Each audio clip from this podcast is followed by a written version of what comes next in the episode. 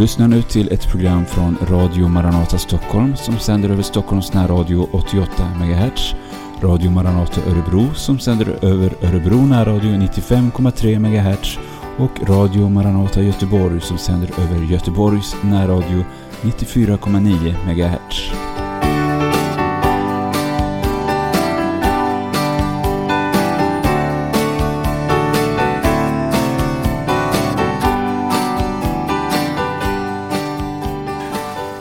Ja, då är alltså varmt välkommen till ett program med Radio Maranata återigen. Och eh, denna gång så är vi samlade dels en liten grupp här i Långshyttan. Det är Berno Widén, Hans Lindelöv och jag Sebastian. Och med oss från Dal i Norge har vi Paulus Eliasson som också är det här programmets eh, programledare, samtalsledare. Jag överlämnar till dig Paulus. Ja, det ska vara väldigt välkomna ni som lyssnar. Och vi kommer det här programmet eh, ta upp lite olika saker som har blivit aktuellt under den sista tiden. Eh, framförallt med tanke på den krisen som vi går igenom. Men också en del andra saker. Eh, och jag har tänkt som så här att vi, även om vi inte ser änden på den här krisen så tror jag att vi eh, nu går in i en slags annan fas av eh, det som händer i, i världen, det som händer med den här pandemin. Att eh, det har blivit eh, mycket mer en del av vår vardag. Eh, det har blivit en del av, av vårt medvetande. Eh, att eh, alla de här sakerna som, som man ska förhålla sig till när det gäller eh, eh covid-19. Och eh, jag tror också att vi går in i en annan fas. Jag såg på nyheterna att eh, eh, Tyskland kommer att lätta upp eh, restriktioner. Eh, Norge har lättat upp en hel del restriktioner och eh, man försöker att komma tillbaka till någon slags eh, normal. Och eh, med det som utgångspunkt så Eh, har jag tänkt på bland annat vad, vad man kan lära sig från historien om det som, hän- eh, som har hänt här. Och eh, också det här, det var en, en förkunnare som jag lyssnade på som, som sa att det är otroligt viktigt att vi inte slösar bort den här krisen. Eh, och det är också en sak som har slått mig att vi som församling eh, måste, vi som Guds församling måste träda fram och tydligare säga någonting om vad, eh, om vad Bibeln har att säga om kristider, vad Bibeln har att säga till människor i kristider. Vi får inte stå oförberedda. Eh, och jag får fråga här Berno och Hans bibelförkunnare som, är, som sitter här tillsammans med oss. Eh, hur, hur menar ni, hur tänker ni, hur ska församlingen eh, svara på den här eh, nya fasen som vi går in i och hur ska vi svara på den här kristiden som vi befinner oss i? Det borde inte vara alldeles för svårt att finna förebilder i eh, den kristna församlingens historia och i själva Nya Testamentet. Om det var några som gick igenom kriser så var det ju apostlarna. Jag vet inte om någon annan tänker på den här sjönöden som drabbade aposteln Paulus tillsammans med hundratals andra då han var på väg till Rom. Eh, hur han eh, gick tillväga där. Och eh, det var inte så mycket han kunde göra, han var fånge. Han var ju fånge. Men han kunde bedja till Gud. Det kunde han göra. Och när han bad till Gud så fick han också så övertygande svar från Gud. Att eh, i den situationen fanns det liksom ingen som hade några invändningar. Vad skulle man överhuvudtaget invända mot? Det var, liksom, det var bara undergången kunde komma nästa sekund så kunde hela båten välta över ända. Men det här eh, beskedet han fick från himmelens Gud, det faktiskt höll. Det höll. Han skriver också Paulus, eh, aposteln som kallas för hedningarnas apostel. om eh, förföljelsekriser, nödtider som han själv fick gå igenom. Och inte minst i andra Korintierbrevet så tycker jag några, eh några exempel finns som kan vara värda att lyfta fram. Dels i det sjätte kapitlet då han bland annat uttrycker sig så här. Om man nu hamnar i andra och inte i första Korinthierbrevet.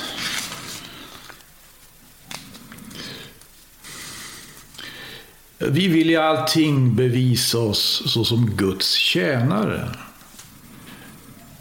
Ja, varför skulle, vad skulle det finnas för anledning att inte göra det om man är kallad att vara gudstjänare? Andra Korinthierbrevet 6 kapitel och vers 4. I mycket ståndaktighet, under bedrövelse och nöd och ångest. Vad kan orsaka sånt? Under, under hugg och slag, under fångenskap och upprorslarm, under mödor, vakor och svält. Hör här, i renhet, i kunskap, i tålamod och godhet, i helig ande, i oskrymtad kärlek, med sanning i vårt tal, med kraft från Gud, med rättfärdighetens vapen både i högra handen och i vänstra. Under ära och smälek, under ont rykte och gott rykte, såsom villolärare då vi dock är sannfärdiga. Såsom okända fastän vi är väl kända.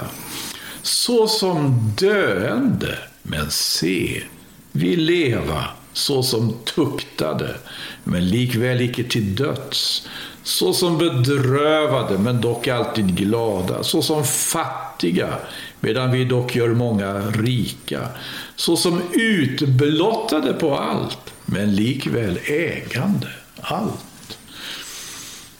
Eh, utblottade på allt, det kan man ju känna sig i en sån här kris som den som nu går fram. Utblottade på allt. Vi, vi som alla andra utblottade inför det här. Krisgrupper bildas, men krisgrupperna hamnar ju själva i kris. Ja, vad ska man ta sig till? Men eh, tänk att det finns faktiskt den här det här, det här att vi kan vända oss till Gud i bön. Det är, det är eh, den gamla beprövade. Man behöver inte vara apostel för att göra det. Man behöver inte vara, det kan alla göra. Vända sig till Gud i bön, oavsett omständigheterna. Jag undrar om inte det är det ojämförligt bästa sättet att hantera en kris på. Mm. Du tänker, tänker du som så att vi som kristna är bättre utrustade både genom att vi har Bibelns, eh, alltså historien, eh, som aposteln Paulus och de andra som upplevde liknande saker. Och det här faktumet att vi faktiskt har bönen som ett vapen som vi kan möta krisen med. Är det så du tänker? Jag vill inte, vet inte om jag ska kunna påstå att vi är bättre utrustade. Det beror på lite vilka krav som ställs då. Men vi borde i alla fall vara utrustade på något vis. Och eh, vi är utrustade med eh, ordet om tron. Precis. Eh, jag får fråga dig Berno också. Vi, eh, vi, med det här som sker nu i världen det finns ju mycket, väldigt mycket, eh, det, det, är ett starkt nyhetsflöde och det är många saker som, som eh, pockar på vår uppmärksamhet. Och eh, jag upplever också att det finns väldigt många både konspirationsteorier, motföreställningar, eh, olika linjer som olika länder drar upp och det är lätt att dras med i den här eh, vad ska man säga, att man, att man eh, tar ställning i, i hur borde vi göra, hur ska vi göra och så vidare. Men eh, jag får fråga dig, vad, vad, upplever du som församlingens främsta uppgift i, i den här situationen när vi, när vi möter en sån här kris? Eh, jag tänker så här att det står i Bibeln att Gud vill att alla människor ska bli frälsta. Att alla ska komma till kunskap om sanningen. Och eh, det har man ju sett rent historiskt och man möter också under den här pandemin att det är en speciell kallelsetid när människor får gå igenom svåra prövningar. Då, då, då stannar man upp, då söker man Gud. Eller man söker svar och förhoppningsvis så lotsas man då fram just till den här frågan som handlar om frälsning och hopp mitt i eländet. Och här tror jag församlingen just i sådana här tider har en oerhörd uppgift. Vi, vi ska inte försöka lösa krisen. Det, det, det, kan vi inte göra heller. Det blir som ett slag i vädret. Men, men vi har ett, ett budskap att förmedla som bär igenom krisen och som kan göra att människor, när man kommer ut på andra sidan, så har man blivit nya människor, man har fått en ny bärighet i sina liv. Och förhoppningsvis har man fått möta evangelium och tagit emot Gud till frälsning. Det, det, det, här, det här, tror jag är en eh, viktig del av församlingens uppgift. Kanske speciellt i sådana här kristider. Det, det finns en eh, insändare i Dagens Nyheter idag som är skriven av en, eh, en eh, egyptisk pastor. Han bor i Sverige. Han heter Mersek. Och han, han, han belyser en sak, just skillnaden mellan den sekulära människan och den som har en tro på Gud. Och Då skriver han om hur under den här pandemin, det blir så tydligt hur de som förlitar sig på vetenskap, förlitar sig på eh, Eh, allt det här materiella vi har runt omkring oss och all den här kunskapen som vi bär på. Men när man kommer då i en sån här kris och inte har några riktiga svar, då hamnar man i ett vakuum eller i ett gungfly på något sätt. Men den som har en tro på Gud går starkare igenom en sån här kris. Och här har vi ett ett uppdrag. Här har vi en uppgift, just att förmedla ett trovärdigt hoppets budskap till människor. Och det hoppet har vi i Jesus. Det är ungefär så tänker jag. Mm. Just det. Jag, jag har ju mött den här frågan några gånger också, liksom, var är Gud i den här krisen? Eh, var är Gud någonstans? Och det fick mig att tänka på eh, en eh, Eh, berättelse från andra världskriget från ett koncentrationsläger där eh, en liten pojke eh, blev, blev, skulle straffas med döden och han skulle hängas. Och eh, eftersom han var så utmärglad så lyckades inte det här repet eh, hänga honom. Eh, lyckades inte döda honom när han, och han hängde där och plågades svårt. Och då stod människorna runt omkring, de här judarna som var fångade i fånglägret, stod runt omkring och ropade. Och så var det någon som vågade sig till att ropa, var är Gud? Var är Gud? Och då var det en i mängden som, som ropade som svar, han hänger där borta. Eh, och det, när jag läste, eller jag hörde den historien så, så grep det tag i mig för att vi har trots allt en Gud som, för att säga det som så, hänger där borta. Eh, I den här krisen och i den förtvivlan som människor upplever så, så ska vi veta det att eh, det faktum att Jesus dog på ett kors, pinad och tor torterad och upplevde döden på sig själv, det var en det har för mig i alla fall blivit en hjälp till att förstå eh, förstå den här krisen och förstå vad som kan vara Guds eh, tanke med den här situationen. Gud själv hängde på ett kors, Gud själv led. Eller vad säger du Sebastian? Eh, är inte det här en, en tröst och en hjälp i och kanske också en, en förståelse för, eller en motbild till den här tanken att, att eh, eh, Gud ska he, eh, eh, hela eh, alla som kommer till honom och vi ska bli bevarade ifrån allting ont. Ja, visst är det så. Eh, jag tänker att eh, eh, Jesus, han kom ju till jorden först och främst. Han kom ju för att ta våra synder på sig. Han, han han öppnade vägen till Fadern och det, är, det är det budskapet som, alltså som, det är det evangelium först och främst handlar om. Det, vi, vi kanske i vår, med, med vår mänskliga natur, även som kristna, kanske får väldigt, eh, hur ska jag kalla det, kanske, vi kanske ser väldigt kortsiktigt. Vi kanske ser bara här och nu. Vi, vi, ska, vi ska vara friska, vi ska må bra, vi ska ha det bra. Och visst, det, det, det är kanske inte är något fel med det. Men vad Gud vill i allt, och, och det, det är ju det här att till varje pris vill han att människor ska bli frälsta för evigheten. Och det är det som måste vara församlingens primära mål i allt.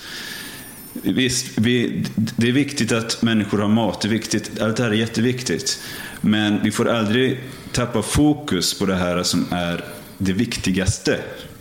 Och det är människans eviga väl, människans eviga liv tillsammans med Gud. Tror jag.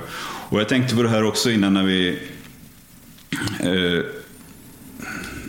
när jag lyssnade till bröderna här tala om hur, hur ska hur ska man som kristen hantera den här situationen som vi befinner oss i nu? Och det kan verkligen, personligen, det kan kännas som någonting oöverskådligt. Alltså, hur, hur, ska vi, hur ska vi göra? Hur ska vi göra?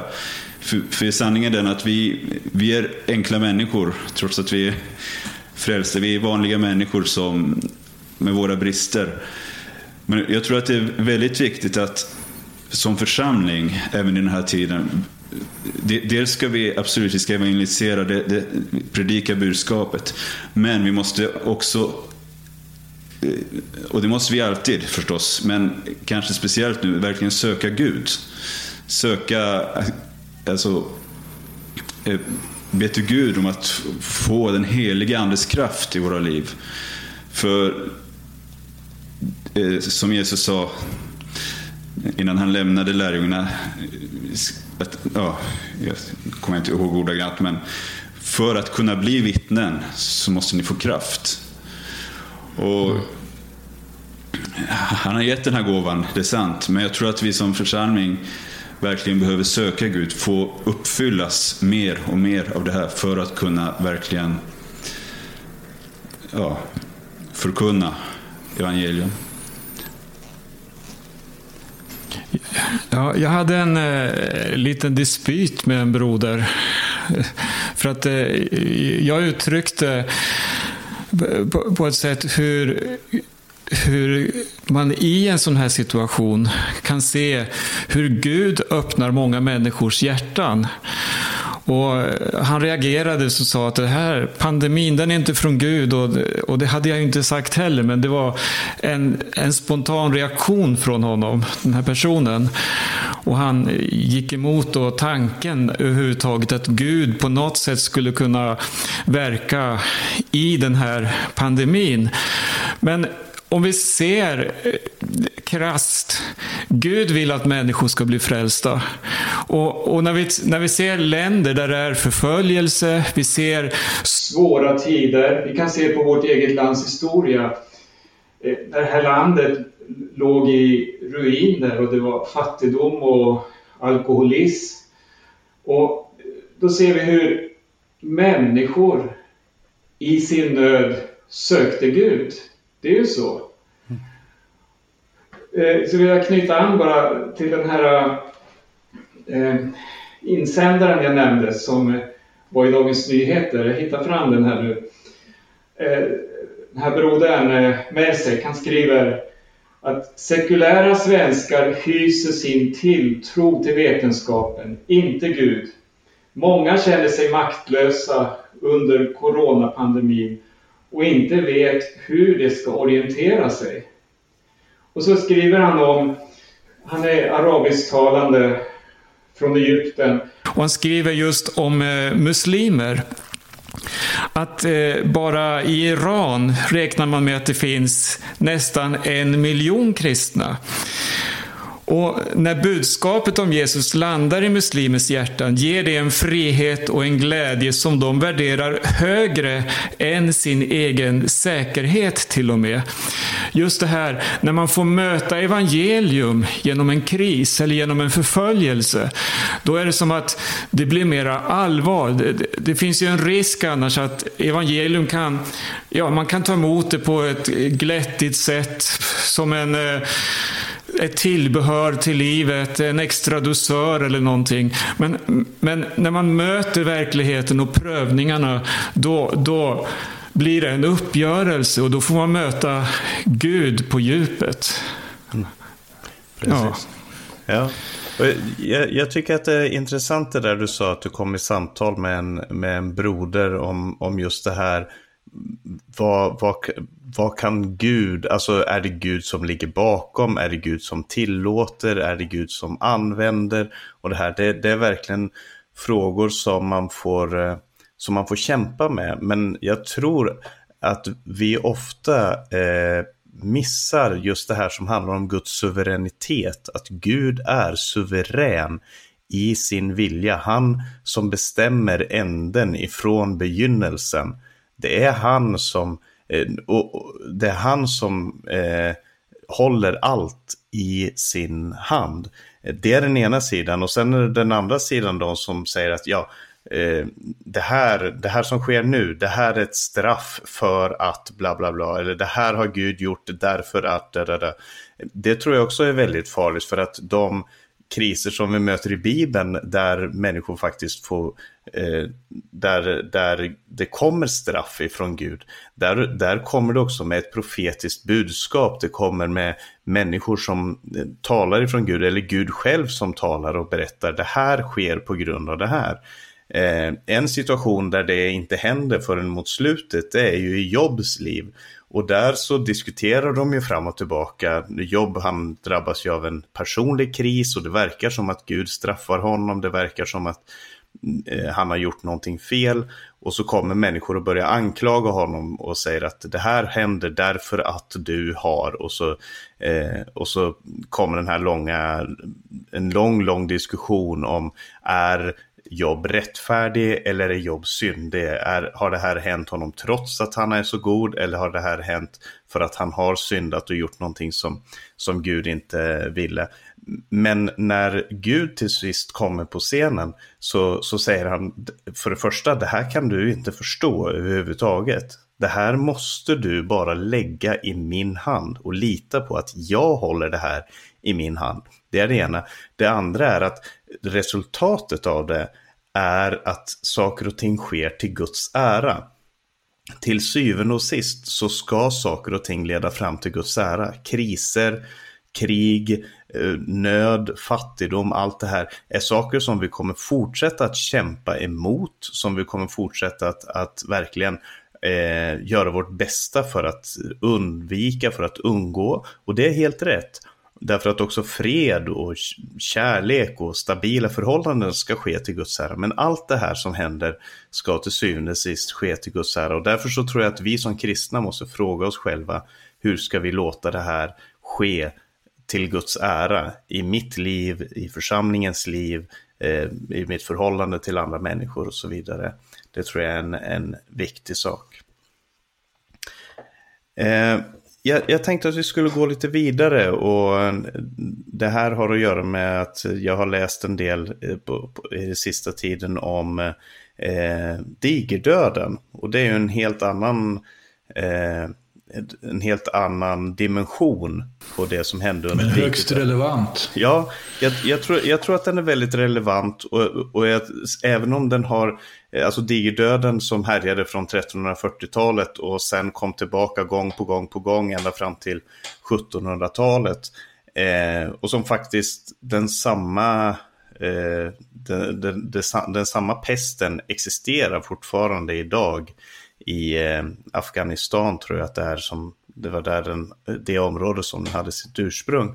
Och jag tror att man kan se tillbaka på de här kriserna, Eh, pandemierna och så kan man lära sig någonting av dem. Även om som sagt det har helt andra dimensioner eh, så, så kan man se och lära sig någonting av det. Och det första som jag lade märke till när jag lyssnade på en bok det, som gick igenom ganska grundligt framförallt. Det var en norsk bok som gick framförallt in på det som skedde i Norge. Men egentligen det som skedde i hela Europa och till viss del i hela världen. Eh, och det jag lyssnade speciellt efter för att på 1500-talet eller på 1300-talet då var ju kyrkan en så dominerande faktor i samhället. Eh, mycket, mycket mer än den är idag. Det var den katolska kyrkan som dominerade eh, Europa eh, och den ortodoxa kyrkan österut. Eh, och, och, jag försökte lyssna mig in på hur reagerade eh, kyrkan på den tiden? Hur reagerade de klerikala? Eh, och så ska jag säga någonting om det och sen så får ni gärna komma med era kommentarer och tankar omkring det här. För att det första som, som de nämnde var att de, bland de klerikala så dog en större procent än i resten av befolkningen. Och det berodde på att de gick från hus till hus, de gick och pratade med folk, de, de försökte, och framför allt de, eh, ska man säga, prästerna eller de som var ganska långt ner på rangstegen, eh, de, de dog i väldigt stor grad därför att de gick runt och besökte människor, de pratade med människor och eh, försökte hjälpa med den enkla, enkla medicinska behandling som man hade då. Man hade ju ingen förståelse av det med varken med bakterier, virus eller vad, vad pesten kom ifrån överhuvudtaget. Man trodde att det kunde ha kommit med katter eller det kunde vara någonting annat. Man förstod inte att det antagligen var råttorna och, och lössen som låg bakom det här. Eh, men det, det, var det första, att många fler av de klerikala dog än i resten av befolkningen. Men det andra var att så fort någon var lite rikare så gjorde de det som, eh, Eh, som, räddade, som räddade deras liv, men som också förstörde förtroendet för kyrkan, nämligen att man flydde. De rika och biskoparna, de liksom högre uppsatta prästerna, ärkebiskopar och så vidare, de flydde. Så fort det kom rykten om att eh, pesten hade nått till en stad så flydde man. Och sen var det intressant för att alla i hela Europa var väldigt eniga om att det här, det här är Guds straff. Det, det är Gud som straffar oss för någonting. Men man var väldigt osäkra på vad det var Gud straffade för. Och de, de kyrkliga kunde heller inte presentera någon kur. Vad skulle man göra för någonting?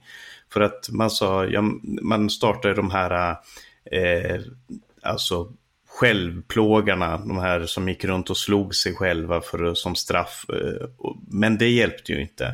Man presenterade att man skulle läsa de här bönerna och göra de här handlingarna.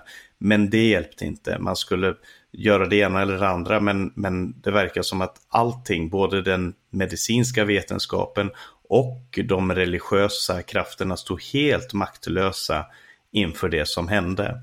Eh, och medan enkla kristna, munkar, nunnor, eh, präster eh, och bara folk som, som älskade Gud, som tjänade, betjänade de döende där, eh, där de var. Och jag, jag, tror att det ligger någonting i det här hur, hur Gud kallar oss att tjäna och att kanske också säga nej till den här religiositeten som inte klarar av en kris. Som inte, alltså till exempel framgångsteologin som, som eh, de här framgångspredikanterna som, som har kommit på tapeten nu under den här krisen. Antingen för att de har sagt helt makalösa saker som, som eller för att de har eh, bara dragit sig tillbaka och är helt osynliga nu, inte, inte gör någonting. Eh, det verkar som att eh, eh den här krisen eh, inte går att sammanföra med, med den, den här eh, framgångsteologin och så vidare. Jag vet inte om ni har några tankar omkring det här, hur, vad vi kan lära oss av eh, hur man i historien har behandlat sådana här kristider. Vad säger du Hans? Eh, det här eh, hur, jag följer ju rätt uppmärksamt med vad som sker i, i Ryssland. Läser nyheter varje dag och följer med vad som sker i den kristna världen i Ryssland inte minst. Och det är ju högst aktuellt det här. Alltså, det har ju skapat en väldig krig. Det, håller, det ser ut som det har skapats en, eh, friktioner och konflikter mellan den ryska ortodoxa kyrkan och den ryska staten. Som, som inte har varit på länge, alltså under de här åren efter perestrojkan. Och det har inte minst att göra med alltså hur man, tar, hur man har tagit så att säga, eh, ställning till eh, det här är naturligtvis en känslig fråga då för ryska kristna, ortodoxa, evangeliska också. Ska man underordna sig det direktiv som kommer från de statliga myndigheterna, de statliga myndigheternas re re rekommendationer? Det, det, det, var ju till slut, det var ju till att börja med svårt för alla ortodoxa till exempelvis. Men så gav de sig då och centralt kyrkans ledning gick med på det här att eh, att lyssna till rekommendationer som förbjöd, eh, alltså det förbjöds ju samma som även här i Sverige, sammankomster med många människor. Jag, vet, jag kommer inte ihåg riktigt vilket antal. Och det avråddes från att gå även till gudstjänster. Då är det så att det finns ju ortodoxa som helt enkelt identifierar det att komma till Gud med att komma till kyrkan. När man går i kyrkan då kommer man till Gud. Går man inte i kyrkan då kommer man inte till Gud. Så var det väldigt svårt då. För, då jag tror att eh, hälften av alla regioner, alltså där det fanns ortodoxa kyrkor, där, där trotsade de det här. Och det är liksom långt, den präst i Sibirien, han, han förbannade alla som rättade sig efter. Och han blev ju avkragad. Eh, förbannade alla som rättade sig efter de statliga då, direktiven. Det här eh, har skakat om rejält. Men eh, inte bara där naturligtvis, jag ska inte peka på andra nu, utan även här. Men jag har inte, jag vet, jag tror du Berno är mer insatt i hur kristenheten i Sverige har tagit det. Jag vet inte om jag är så mycket mer insatt. Jag, vad jag, kan, jag kan dra en parallell från eh, den katolska världen där jag själv har jobbat mycket då i Dominikanska republiken. Där eh, gick ju prästerna ut när den här pandemin var ganska ny då. Då gick man ut och uppmanade alla trogna att eh, lyssna inte på vad myndigheterna säger. Utan mässan är det heligaste vi har och sen på det sätt mässan skulle delas ut då, så oblaten, där prästen ska ta oblaten och lägga den på tungan på medlemmen då. Och, och, och det här sa man att det här gör vi och det här oavsett vad som händer. Och skulle vi bli sjuka, skulle vi dö, ja då blir vi martyrer för Kristus. Så det var, det var väldigt eh, eh fanatiskt skulle jag vilja säga. Och, och, och, just det här att ja, hur man hanterar krisen då på olika sätt. Men eh, jag tycker mig se i, i, i den här pandemin att mycket det som vi litar på och lutar oss tillbaka på. Alltså den här kristna traditionen, den kyrkliga traditionen, hela det här systemet med prästerskap, med byggnader och all den politik och ekonomi som inryms i det här. Det kan väldigt lätt raseras. Men då finns det ändå något som står kvar. Och det är det Gud gör i varje människa, i varje tempel, där vi är tempel för den helige Ande. Och, och så ser man här det naturliga, det växer upp i hem efter hem genom att människor börjar bedja. Två stycken i det huset, två i nästa hus, en familj där, en liten grupp där. Många böner stiger upp och det, det, är som husförsamlingar, det är tempel för Gud. Och, och, det övervinner världen, det överlever de här systemen. Eh, det, det är det, den väg jag tror också som vi kommer att se mer av ju närmare tidens slut vi kommer innan Jesus kommer tillbaka. Men vi, vi kanske sköt lite över målet nu, Paulus. Därför den historiska tillbakablicken var väldigt intressant, får jag säga. Du efterlyste väl snarare historiska perspektiv, inte samtida? Nej, nej Men, jag, jag, eh, jag, tänkte egentligen på, lite på samtida, just att vi kan eh, se i, på vad som har hänt i historien och dra paralleller till det, till det som är nu. Jag tyckte det var väldigt intressant både det från, från Ryssland och, och från den katolska världen, Dominikanska republiken där Berno eh, har, har, arbetat. Och jag får ju säga som, som en som har varit i, i Rumänien, där finns det ju också en väldig misstro emot myndigheter. Där finns en väldig misstro emot eh, eh egentligen allt och alla. Och, och, det har gjort att nu, nu så pratar man ju om att man ska lätta på vissa av de här restriktionerna. Men man ska göra ett nationellt test. Alltså alla ska testas. Det, det är planen. Och, och precis hur det här ska gå till, det, det tror jag det är så många olika bud och så många olika som säger olika saker så det vet jag inte om de har riktigt kontroll på. Men det första folk reagerade med när, när man sa att vi ska utföra tester som ska göras på alla medborgarna var de kommer att sätta in någonting i våran kropp för att kontrollera oss. Det var den... Du menar testa för viruset? Precis, testa för viruset, något ja. no prov.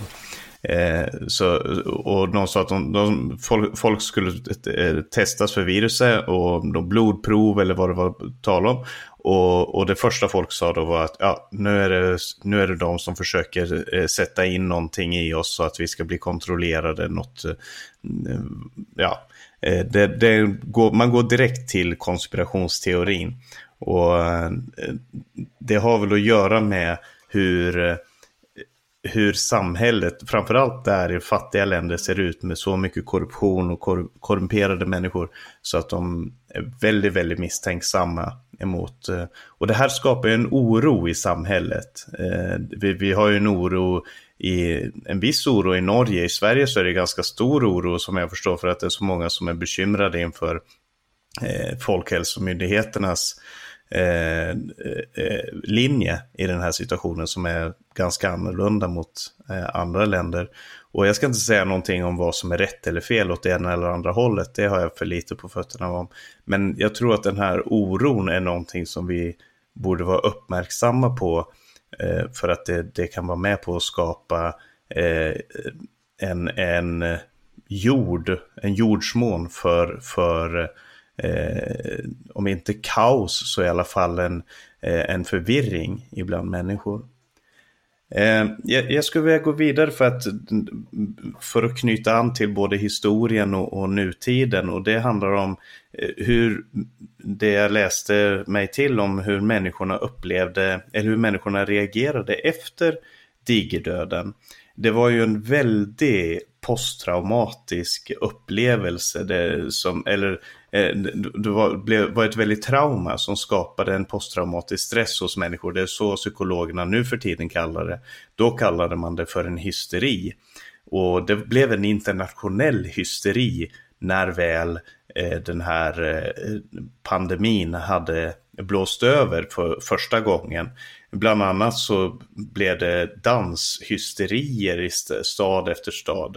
Jag vet inte hur, hur aktuellt eh, eller eh, vad, om man ska dra några paralleller till vår tid. Men det jag tänker på är att det, eh, det man hade önskat sig, det som kyrkan önskade sig den gången då, det var att människor skulle omvända sig, man skulle bli flitigare, man skulle ta det här som en varning ifrån Gud eh, och en uppmaning till omvändelse, till att leva bättre, till ja, kärlek och vad det kunde vara, saker och ting som liksom kyrkan stod för. Men istället så, det som blev resultatet var dels den här hysterin, det blev en ökning, en kraftig ökning i våld. Eh, och eh, de här skådespelen som man framförde, eh, teateruppsättningar och sånt som kom efter den här krisen. Det var väldigt mycket fokuserat på våld, på, på eh, död, på ja, det var som att folk behövde ha utlopp för en, för en aggression inför det som hade hänt för att man inte hade eh, verktyg för att behandla det som hände. Man, det blev en väldig ovilja mot att arbeta. Vi vet att väldigt mycket, väldigt många eh, gårdar och sånt stod ju tomma men det tog lång tid innan folk började faktiskt arbeta på de här gårdarna. Man gick runt och stal det man kunde, men sen så drabbades man av en fatalism. Om vi ändå ska dö allihop, rätt vad det är så ska vi dö all, allesammans. Och då finns det ingen väg. Eh, Eh, man, man drabbades av en fatalism, liksom att det spelar ingen roll vad jag gör, det spelar ingen roll vad jag, vad jag, vem jag är och vad jag gör för att vi kommer ändå dö. Eh, och, så, och så kom det ett hat mot kungen, det kom ett hat mot kyrkan. Eh, och det här är väl inte saker som kommer eh, drabba oss lika mycket eh, antagligen. Eh, med tanke på att våran, den här krisen som vi går igenom inte är av samma storleksordning procentuellt. Men jag, jag, tror ändå att vi, det är någonting som vi måste vara, vara uppmärksamma på för att kriser kallar fram hjärtat i människan. Ondskan blir djupare, kärleken växer och Gud har ju kallat oss i sådana krissituationer att, att, eh, eh, Eh, att vara, vara vittnen för honom. Och jag skulle vilja fråga er, ni får säga om ni, har, om ni har någonting på hjärtat här.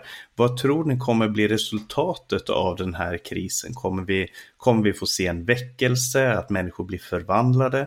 Eller kommer vi få se att man faller mer ner i det gamla klassiska ordet dekadens, att man, att man förfaller, i, att det blir ett större eh, avfall ifrån Gud. Vad, vad säger ni?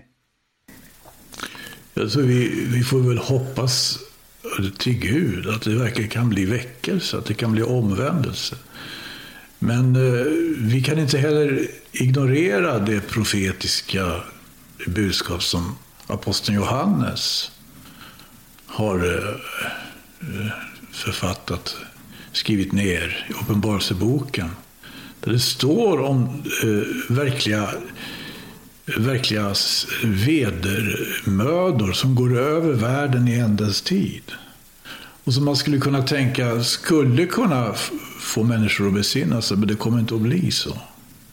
Det kommer som det heter, eh, om jag kan läsa, det står ju exempelvis i Uppenbarelsebokens nionde kapitel. Då har det varit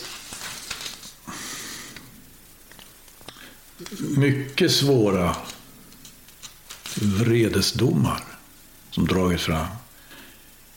I 20 versen. Men de återstående människorna, de som icke hade blivit dödade genom dessa plågor, gjorde icke icke bättring. Det vände sig icke ifrån beläterna som de hade gjort med egna händer och upphörde icke att tillbedja onda andar och avgudar av guld och silver och koppar och sten och trä som varken kan se eller höra eller gå. Det gjorde icke bättring och upphörde icke med sina mordgärningar och trolldomskonster, sin otukt och sitt tjuveri. Ja, jag kan säga så här, det, det, det finns bara ett enda botemedel egentligen. För människan bär ju synden i sitt väsen och ondskan manifesterar sig därigenom. Men kraften i evangelium, kraften i Kristi kors, den kärlek som går ut från Golgata, där, där, där Jesus bar hela mänsklighetens synd i sin kropp upp på korsets trä. Den kärleken och den kraften kan bryta det här mönstret, den här ondskan och göra att människor istället får uppleva frid mitt i detta. Ja, jag, jag tänker också så här, jag, jag hoppas ju verkligen att, eh, som Hans sa här i början, eller nyss, att, att det leder till omvändelse. Och det tror jag vi alla gör. Eh, med, med en, eh, jag blev påmind här om en händelse i Dominikanska republiken för ett antal år sedan. Det var i norra delarna av landet. Var det en översvämning eller vad var det för någonting? Jag tänker på jordbävningen i Jordbävning Puerto kanske Plata. var. Det var jag, var. jag tror inte själv var i landet då, men jag hörde talas om det. Och hur folk omvände sig i massor. De gick till kyrkan och...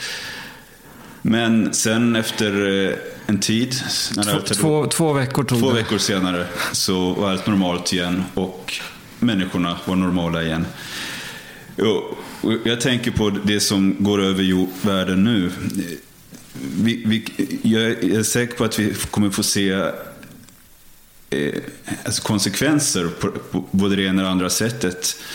Eh, och vi, vi kan ju bara bedja då att som eh,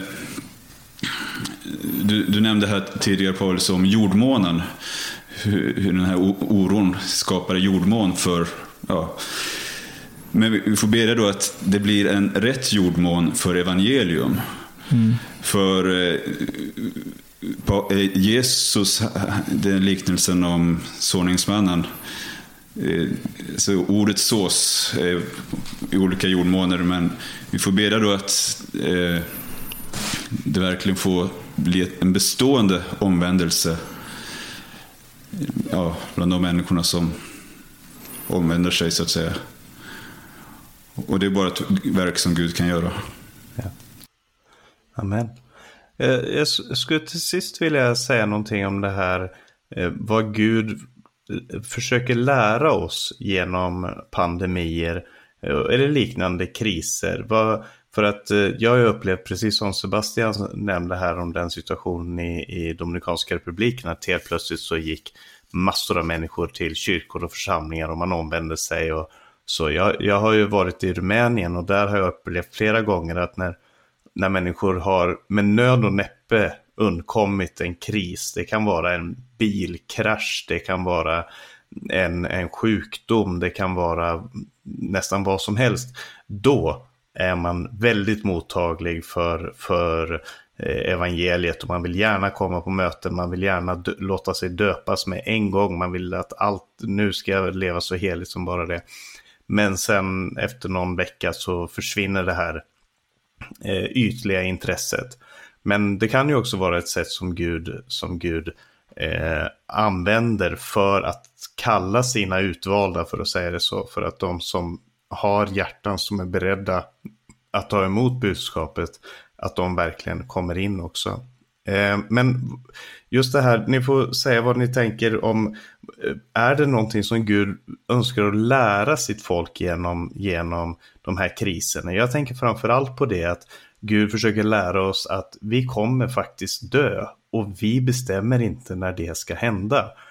I psalm 90 så står det Lär oss att våra dagar är räknade så att vi får visa hjärtan. Och kanske en sån här pandemi kan vara med på att skapa visa hjärtan hos oss. Att vi förstår eh, hur kort livet är och, och vilket värde det har på grund av sin korthet.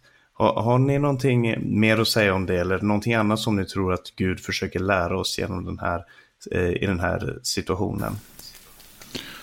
Ja, Jesus talar ju om hur döden kan komma plötsligt oväntat. Och eh, det, vi, vi, vi, har en liknelse i, i Lukas evangeliets eh, berättelse. Det är i tolfte kapitlet. Eh, jag lägger märke till någonting när jag läser det här. Eh,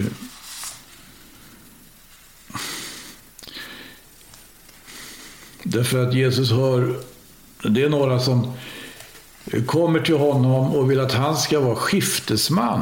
Ja. Eh, och, och, döma rätt mellan, det heter så här i Lukas evangeliets 12 kapitel och 13 vers. En man i folkhopen sa till honom, Mästare, säg till min bror att han skiftar arvet med mig. Men han svarade honom, min vän, vem har satt mig till domare eller skiftesman över er? Och så fortsätter han. Se till att ni tar er tillvara för all slags girighet. Ty en människas liv beror icke därpå att hon har överflöd på ägodelar. Och han framställde för dem en liknelse. Han sa, det var en rik man, vilkens åkrar bar ymniga skördar. Och han tänkte vid sig själv och sa, vad ska jag göra? Jag har ju icke rum nog för att inbärga min skörd. Därefter sa han, så vill jag göra. Jag vill riva ned mina lador och bygga upp större och i dem ska jag samla in all min gröda och allt mitt goda. Sen vill jag säga till min själ, kära själ, du har mycket gott förvarat för många år, ge dig nu ro, ät, drick och var glad. Men Gud sa till honom, du dåre, i denna natt ska din själ utkrävas av dig. Vem ska då få vad du har samlat i förråd? Så går det den som samlar skatter åt sig själv, men icke rik inför Gud. Och när jag, lägger, när, när, när jag läser den här liknelsen lägger jag märke till att det är någonting som, eh, som eh, den här mannen missförstår. Döden, ja på sätt och vis, men det är framförallt livet.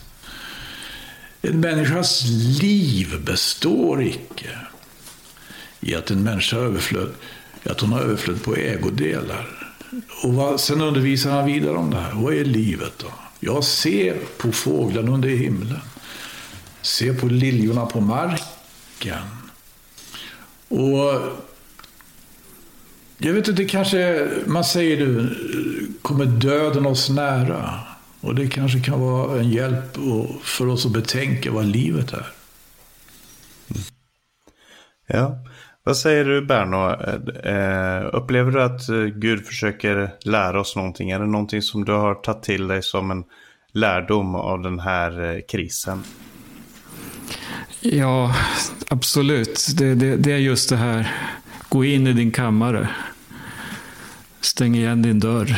Be till Gud. Just det här att söka Guds ansikte, söka Guds väg igenom den här krisen och få människor att förstå att, att enda vägen det är att söka Gud, att överlämna sitt liv i Jesu händer. Och det, det, det är min bön och det, det, det jag önskar att alla människor ska få uppleva. Att få möta Jesus i, genom den här krisen. Mm. Ja, och vi får, ju, vi får ju säga det till dig som lyssnar här att om du vill ha kontakt med, med en kristen församling och, och samtala om det som kanske är svårt och det som eh, ligger på ditt hjärta så är du väldigt varmt välkommen att, eh, att kontakta Maranataförsamlingen och vi kommer ge information om hur du kan kontakta oss här till slut också. Vi vill verkligen hälsa dig välkommen till Jesus, han som ger tröst, han som ger hjälp, han som är med oss mitt i lidandet. Och vi har några få minuter kvar här. Jag trodde att vi skulle ha lite mer tid här till slut. Men, men vi kanske ska ge bara en liten presentation av för att eh, Hans har eh, under flera veckor eh, nu, det är väl tre möten som du har talat om Romarbrevet och som jag förstår så kommer du också, kommer det också fortsätta med den här undervisningen. Kan du bara kort berätta för oss i slutet av programmet här vad som har fått dig att eh, välja det här och vad du ser som, som är så viktigt med undervisningen i Romarbrevet? Paulus. Är det inte viktigt att förstå Paulus? aposteln. Han kallar sig för hedningarnas apostel. När man, eh, när man möter alltså, tillvaron, världen, människorna som de är idag. Då har man ju verkligen, och, och, och när man har kommit till tro på Gud och, och, och, tagit emot Herren Jesus Kristus, då känner man ju behov av det här. Man förstår det behövs ju någon som kan, sträcka, som kan komma liksom igenom gränser och barriärer som så lätt byggs upp. Det här var ju aposteln Paulus på något vis eh, specialist på. Och därför så eh, tror jag det kan vara väldigt viktigt att eh, ja, om inte helt nödvändigt, att sätta sig in i hans tänkande. Och var får vi se in i det som i Romarbrevet? Jo, det finns flera brev sannerligen, men det ger verkligen en särskild, ska vi säga, en särskild, det, det, det, det är en framställning alltså, som, där vi ser någonting av, hans, av apostelns hjärta och, och sinnelag. Och, han riktigt alltså utgjuter sitt hjärta i det brevet. Mm. Ja. Och det, det, är ett hjärta som tillhör Jesus. Amen. Ja. Amen. Ja, vi, vi får, får uppmana dig som lyssnar att, att gå in på Maranatas hemsida, Följ podcasten. Det sänds också live över både YouTube och Facebook. De här mötena från Långshyttan. Och Sebastian, du kanske vill ge lite eh, avannonseringar här innan vi lyssnar till en sång till slut. Hur kommer man i kontakt med oss? Ja, du lyssnar till Radio Maranata och det är Radio Maranata Stockholm då som sänder över Stockholms närradio 88 MHz. Radio Maranata Örebro över Örebro närradio 95,3 MHz och Radio Maranata Göteborg, Göteborgs närradio 94,9 MHz. Har du frågor, vill ha kontakt så är du välkommen att besöka oss på vår hemsida på www.maranata.se du kan även mejla oss på info maranata.se eller ringa oss på 070-201 60 20. Radio Maranata sänder varje morgon. Om du är i Stockholm och Örebro sänder vi varje morgon klockan 8 samt måndag och onsdag kväll klockan 18. Radio Maranata Göteborg sänder å sin sida tisdag kväll klockan 21 med repris lördag klockan 15. Med de orden tackar jag för mig och vi går ur sändningen här genom att lyssna till sången eh, Kom och skåda smärtans konung. Det är församlingen som sjunger.